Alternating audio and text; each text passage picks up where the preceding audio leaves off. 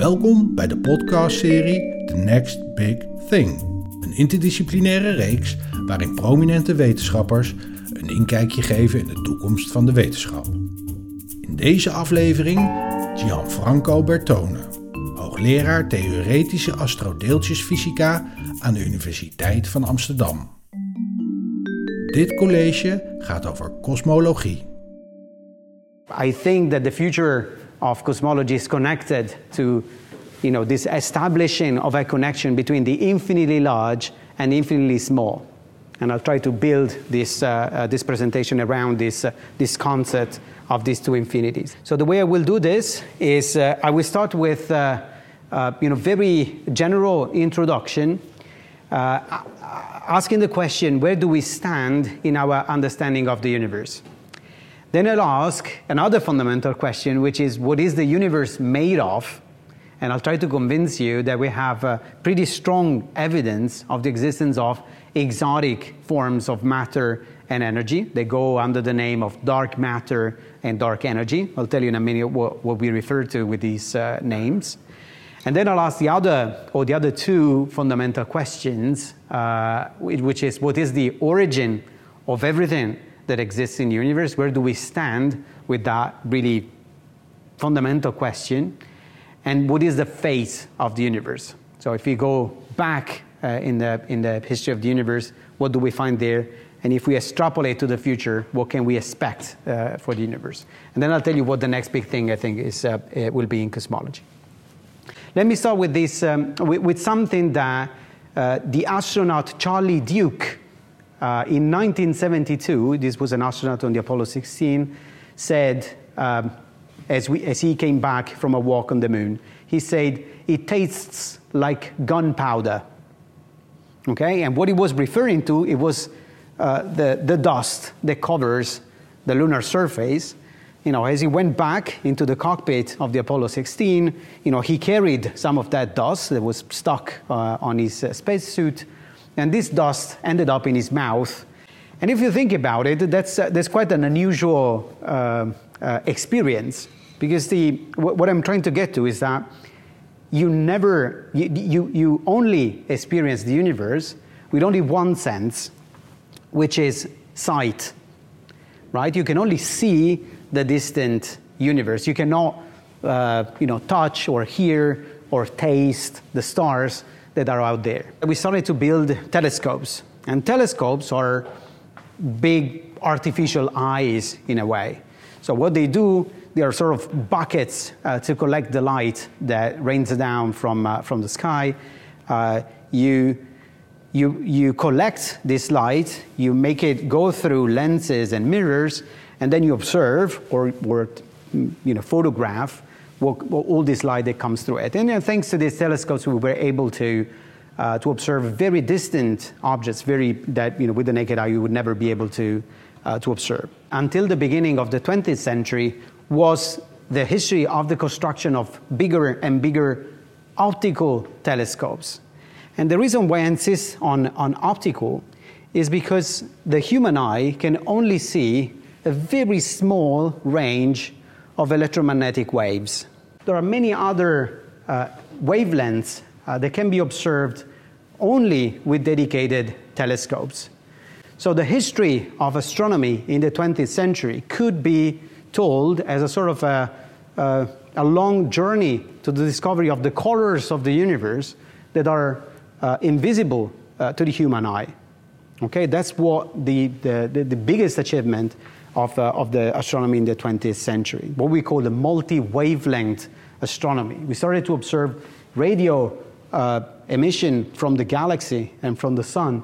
Uh, and the microwaves, you know, microwaves that arrive directly from the very early phases of the universe, and then above the visible, the energy of uh, visible radiation, we will observe ultraviolet radiation, X-rays, and gamma rays from, you know, coming from these you know, huge jets of matter and radiation uh, that are emitted by, by black holes, for example.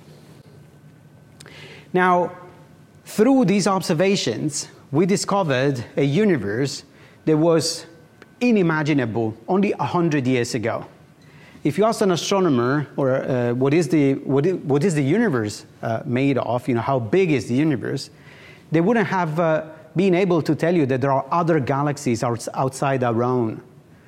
Right? You know, the discovery that galaxies exist outside our own is something that was discovered less than 100 years ago. Okay, so the universe was small. We were thought to be very, very close to the center, of this arrangement of stars that could be seen in the sky, and nothing was uh, known about the universe as a whole. In fact, cosmology was not a science until the 1950s or so. And as we learn more and more about the universe, we had to face uh, concepts and forms of matter and energy that were unthinkable uh, until very recently. In the 19, around the 1970s, it became quite obvious that there is some form of matter in the universe that we call generically dark matter that is not made of atoms. Right? Everything you see around you is made of the same building blocks. Everything is made of atoms basically in this, uh, in this room. And even if, you know, the most powerful, with the most powerful telescopes, if you look at distant galaxies, what you observe is atoms and atoms, you know, because you know, we like to be reductionists and go to the heart of things, you know, for physicists, it means that there are very simple building blocks. There are the quarks inside protons and neutrons that are combined in atomic nuclei, and then there are the electrons. If you take the quarks and the electrons, basically you have the building blocks to explain everything you see around you. It can be complex, and you know, it's difficult to describe. The more complex it is, but the, the building blocks are the same. What these observations are telling us is that most of the matter in the universe is not made of atoms. It's made by something completely different. And that's one of the big uh, questions that we, are, that we have today. How do we, can we make sense of this dark matter? How can we discover and, uh, and, uh, uh and how can we discover the fundamental nature of this dark matter? Another thing we discovered is that there is a form of energy. We, we just use this word because you know, to describe a concept uh, that, is, uh, that was quite surprising when this was discovered. In the 1990s, astronomers discovered that we knew already that the universe was, is expanding, but then these astronomers was, uh, were trying to measure um, how much the universe is, the, the expansion of the universe is slowing down, because the theories predicted that the universe would slow down, the expansion of the universe would slow down. And then when they performed the observations in the 1990s, when we had the instruments to perform these observations, they discovered that the, the expansion of the universe is not slowing down, is accelerating. The universe is expanding ever faster. If you go back in time, if it's true that the universe is expanding now, and we have very strong evidence that that's, uh, that that's the case, it means that in the past it was smaller and smaller and smaller. And if you go back 14 billion years, you know, everything basically collapses to a single point with infinite density. You know, if you just naively go back in time and extrapolate uh, what happened in the past. Now, in physics, this is called a singularity. And every time we have a singularity in physics, we know we're doing something wrong. You know, there must be some new physics that explains uh, and clarifies what is, uh, what is actually happening there. I, I, think the, you know, most of the history of uh, uh, particle physics could be told as a sort of a, a, long fight against infinities, right? Because every time there was a, an infinity in a theory, this was a sign that the theory was wrong. And then you needed a patch, basically, or a correction or a new theory to be overcome. Anyway, another example of uh, singularity of places where, of a place or an event in the universe where the current, the known laws of physics uh, don't make sense anymore is in black holes. I'm sure you've all heard about, about black holes. These are really fascinating objects, and I will come back to those uh, in a second. In um, 2016, almost exactly six years, it was February of 2016, uh, the announcement was made uh, of the first direct detection of gravitational waves, okay, for which the Nobel Prize was assigned in 2017. And this was really something amazing and something new and exciting. I, I think it's, I can say that this was probably the most exciting thing that happened in my scientific career. And the reason why it's so exciting is that everything I told you about uh, until now was based on the observation of uh, light, so the colors that we can see with our, with our eyes and the colors that are invisible to the human eye, so many other different wavelengths. But then there are events like uh, black holes or dark matter that don't emit any light. So we have no hope, almost no hope, of detecting any, uh, anything associated with them with our usual telescopes. This is new. It was like, for, for the community, it was really like we were developing a new sense to experience the universe. We could go finally beyond the study of electromagnetic radiation from objects in the universe. We had something extra to, to explore the universe. And that something extra can be understood almost you know, without, uh, actually it can be understood without using any equation whatsoever. The idea of gravitational waves is the following. You probably heard how Einstein revolutionized the, understand, uh, the understanding of gravity when he said that what gravity is, is basically the distortion of a continuum which we call space-time. What he referred to with, that, with this sentence is something like the follows. Imagine that you have um, a, um, an elastic carpet and you pull the corners of this elastic carpet, you know, to make it very kind of straight and smooth. If you throw a marble on this, uh, uh, on this carpet, the marble will, will move in a straight line on it. Now imagine you put a bowling ball at the center, something very massive, very heavy on it. What is going to happen is that the carpet will curve, will bend under the weights. Now, if you throw a marble on this uh, bent carpet, it will not propagate in a straight line. It will start to circle around, uh, around this, uh, this heavy object. And it is you know, through these type of analogies that Einstein understood that what is happening is in, in reality, in the universe, is that whenever you have a mass, like the sun, for example, a planet like the Earth, in absence of the sun, would gladly move in a straight line in the universe. But because there is the sun, there is a curvature of the space time around it, which is felt by the Earth. And this, uh, you know, this, uh, this curvature induces a bending of the, uh, of the trajectory of the Earth. And in the case of the Earth, this is a closed curve, which is the orbit of the Earth. Okay, so this is the big discovery of, or one of the big discoveries of Einstein, probably the most, one of the most important discoveries that Einstein made. Um, what about gravitational waves? Well, if it's true that uh, the space-time behaves like this, that it can bend uh, under the influence of, uh, of objects, imagine what would happen if instead of having one bowling ball at the center, you had two balls, you know, massive objects, two weights, that are moving at the center of this, uh, of this carpet, you know, very quickly. Okay? So this is, a, this is we refer to these situations as, as a dynamical spacetime, a spacetime that moves under, due to the movement of heavy masses. You can actually uh, look it up on, um, on YouTube. There are many experiments where this is actually done with uh, an elastic carpet and two, um, two objects that move very fast at the center. What happens is that waves propagate away from these two objects that move at the center right? And these are waves in the fabric of the, of the carpet, right? You know, it goes, it goes like this. And these waves propagate from the center, where you're perturbing uh, this, uh, this carpet, all the way to the edges. The same happens with uh, space-time. You have waves in the fabric, the very fabric of space-time. You have small alterations of the local gravity, so to say, uh, that propagates away whenever there are two objects, like two black holes, for example, that move very quickly one around, uh, uh around another.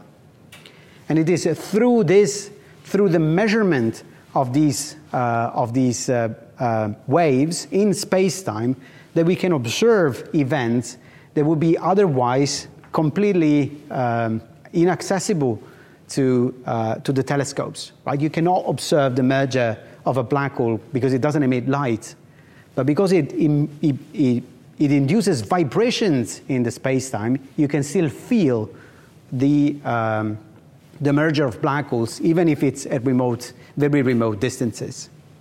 Okay, so the key point here is that gravitational waves have opened a new era in uh, astrophysics and cosmology because they allow us to study the universe in a way that was impossible until only six years ago.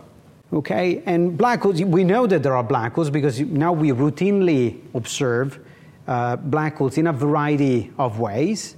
You probably heard, have you heard that last year there was the first photo of a black hole that was, uh, that was taken, the first direct image of uh, a black hole that was ever taken. Uh, but we observe these objects directly or indirectly in a number of ways these days, including with gravitational waves. And these black holes, so this is the image I was referring to. It was, sorry, it was uh, 2019 uh, that we got this, uh, this image. Um, this is something truly amazing for, for scientists. You know, many people thought, including Einstein himself, uh, thought that these objects would never be, um, well, Einstein thought that, these, that they, would, they, they could not exist at all. And it's, it's a bit ironic, actually.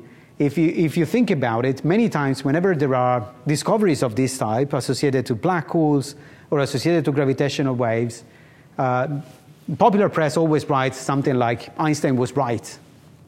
Right? You probably have heard that sentence many, many times.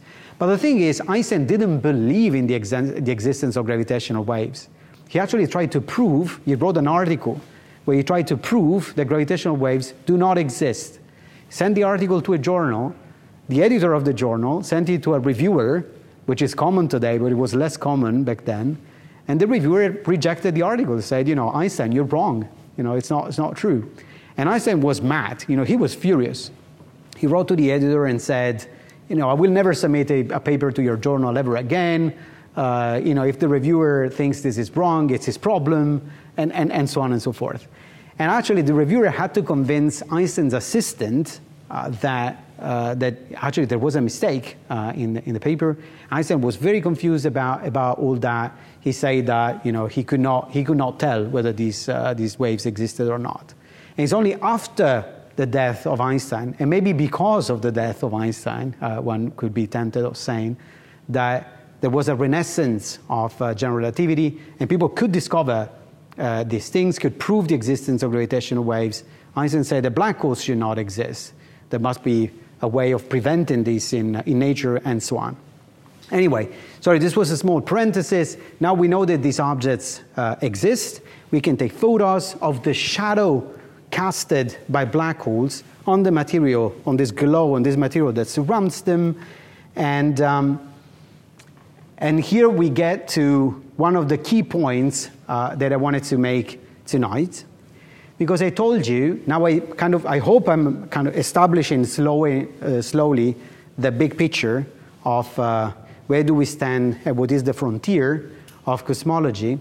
I told you that there is something in common among these four mysteries dark matter, dark energy, black holes, and Big Bang.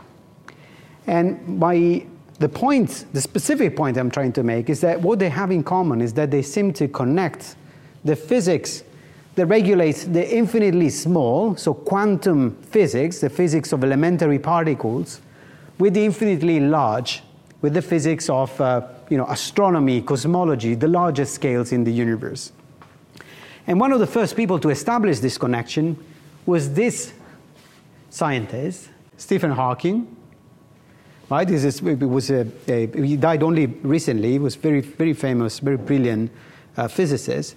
He was one of the first to establish this connection between quantum physics and the physics of um, that regulates the cosmos and gravity, so to say.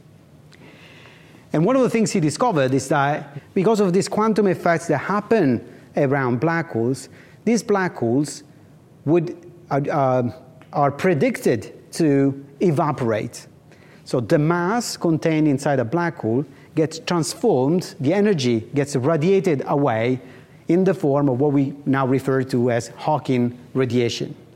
So this is not just an academic curiosity or something he found in his equations. This is a, you know, what we think is a firm prediction now of uh, what should happen around these, uh, these objects. And since then, since Hawking, these, these black holes have become uh, sort of theoretical laboratories in physics and in astronomy. And if you come over to Science Park, there's an entire department of theoretical physicists. And if you just randomly pass by, you will hear many of them talking about, about black holes and making thought experiments about what should happen around black holes, trying to understand how to go beyond this you know, patchwork of theories that regulate the infinitely large and infinitely small and try to see whether we can connect these scales, maybe to find a unified theory that connects everything. If you asked uh, in 1970, so not very long ago, only 50 years ago, if you asked an astronomer what is a galaxy, he would show you something like this. He would show you a picture, beautiful picture of uh, a flattened distribution of stars and gas rotating around a common center. If you ask today what a, a, cosmologist or an astronomer what a galaxy is, they would tell you it's something like this. It's a relatively small disk of stars and gas at the center of a much larger distribution of dark matter. Right? The, when people started to think about this, this problem in the 1970s, this idea seemed completely absurd. Right? You know, well, almost by construction, you're, you're saying that there is something out there that is almost, almost undetectable. Right? It's very different from the atoms that we are made of. Can be, can't interact much with anything around us. So sounded completely crazy. Yet every time they studied how fast the stars and the gas rotate around this, uh, this common center, by using Newton's laws, you know, stuff which has been known for centuries, you could infer the existence of some form of matter that binds all this matter, all these stars and gas together. If you remove all of this halo of matter around galaxies. Because of their velocities that they have here, the, the, the, the stars and the gas at the edge of galaxies would just be shot in, uh, in the intergalactic space like bullets. Right? There would be nothing that binds them to, to the galaxy. So many people try to get uh, rid of this assumption, try to figure out ways why you could still reconcile the data without assuming uh, the existence of dark matter.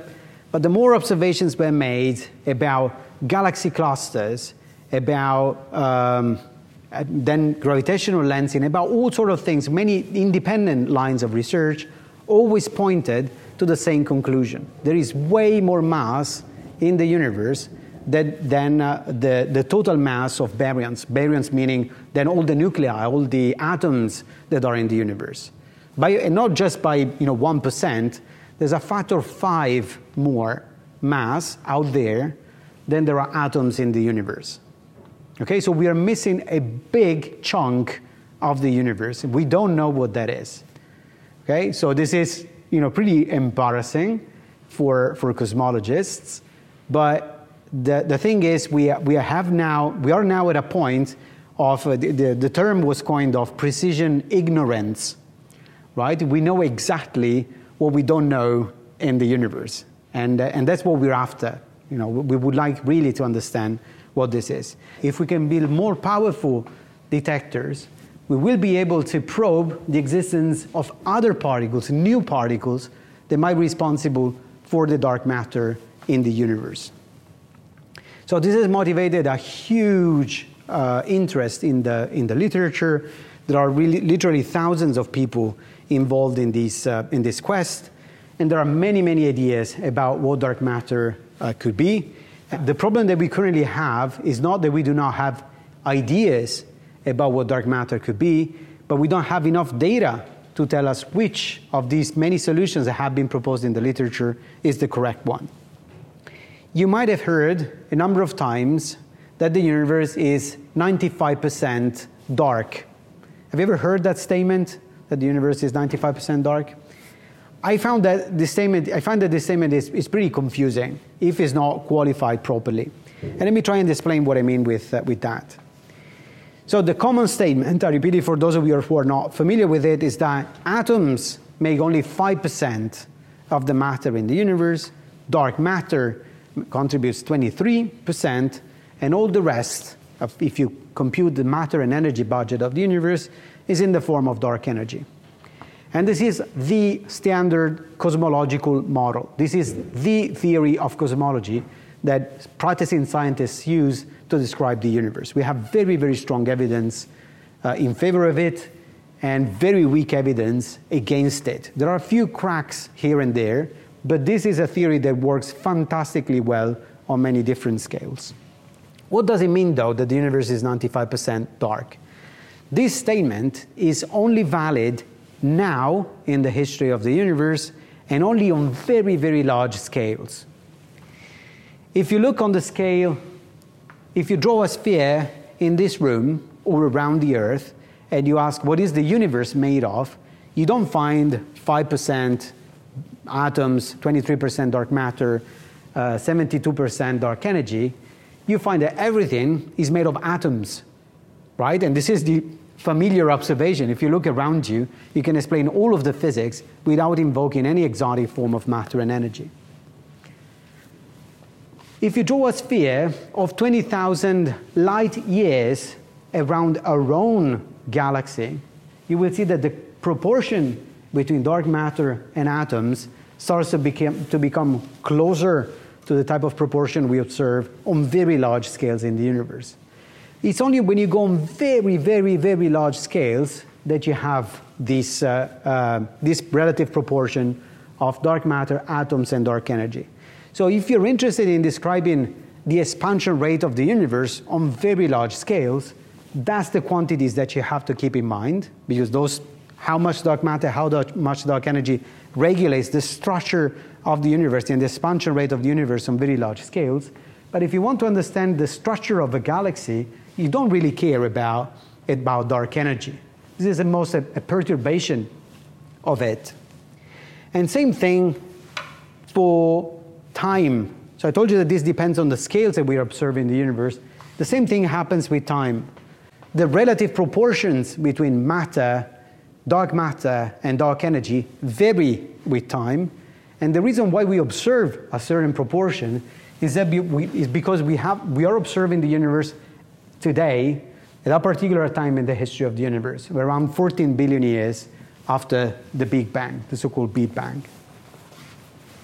Okay, so key point here, this 95% dark is a statement that depends on when you observe and on what scales you observe the universe. There are, so I told you that we have a, a theory, uh, a standard theory of the universe, which is commonly accepted and widely, widely uh, uh, utilized in, um, in the community. This theory allows us to explain observations on almost on all scales in the universe. It allows us to explain how stars form, uh, how galaxies form, the distribution of galaxies in the universe, and so on and so forth. The starting point for all this is this image here. What this shows you, I told you that we were observing the universe in many, many wavelengths. Around the 1960s, uh, and, uh, and then all the way through the 90s and all the way until today, this is a very recent version of this, uh, of this image, we could observe some light that is a very ancient light. As we increase the, the size of these spheres, we're looking at larger and larger distances in the universe, but we're also looking back in the past of the universe. And the reason for that is that the speed of light is finite. Right? We don't think about it ever in our ordinary life because the speed of light is much larger than anything that we observe in our local universe.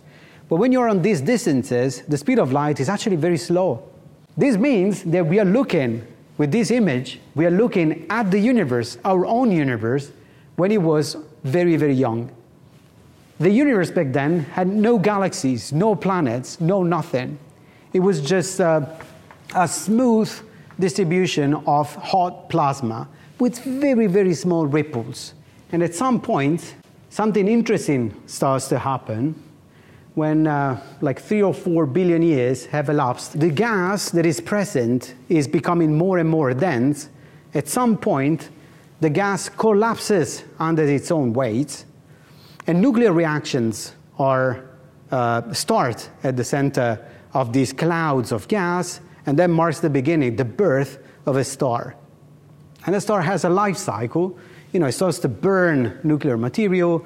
So you, you go from a, a universe which was completely made of hydrogen and helium at the beginning, right after the Big Bang, you start to produce all the elements that you see around us and that we see inside ourselves.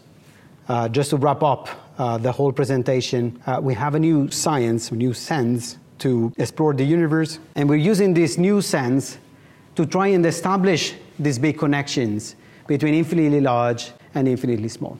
Thanks a lot, Vance.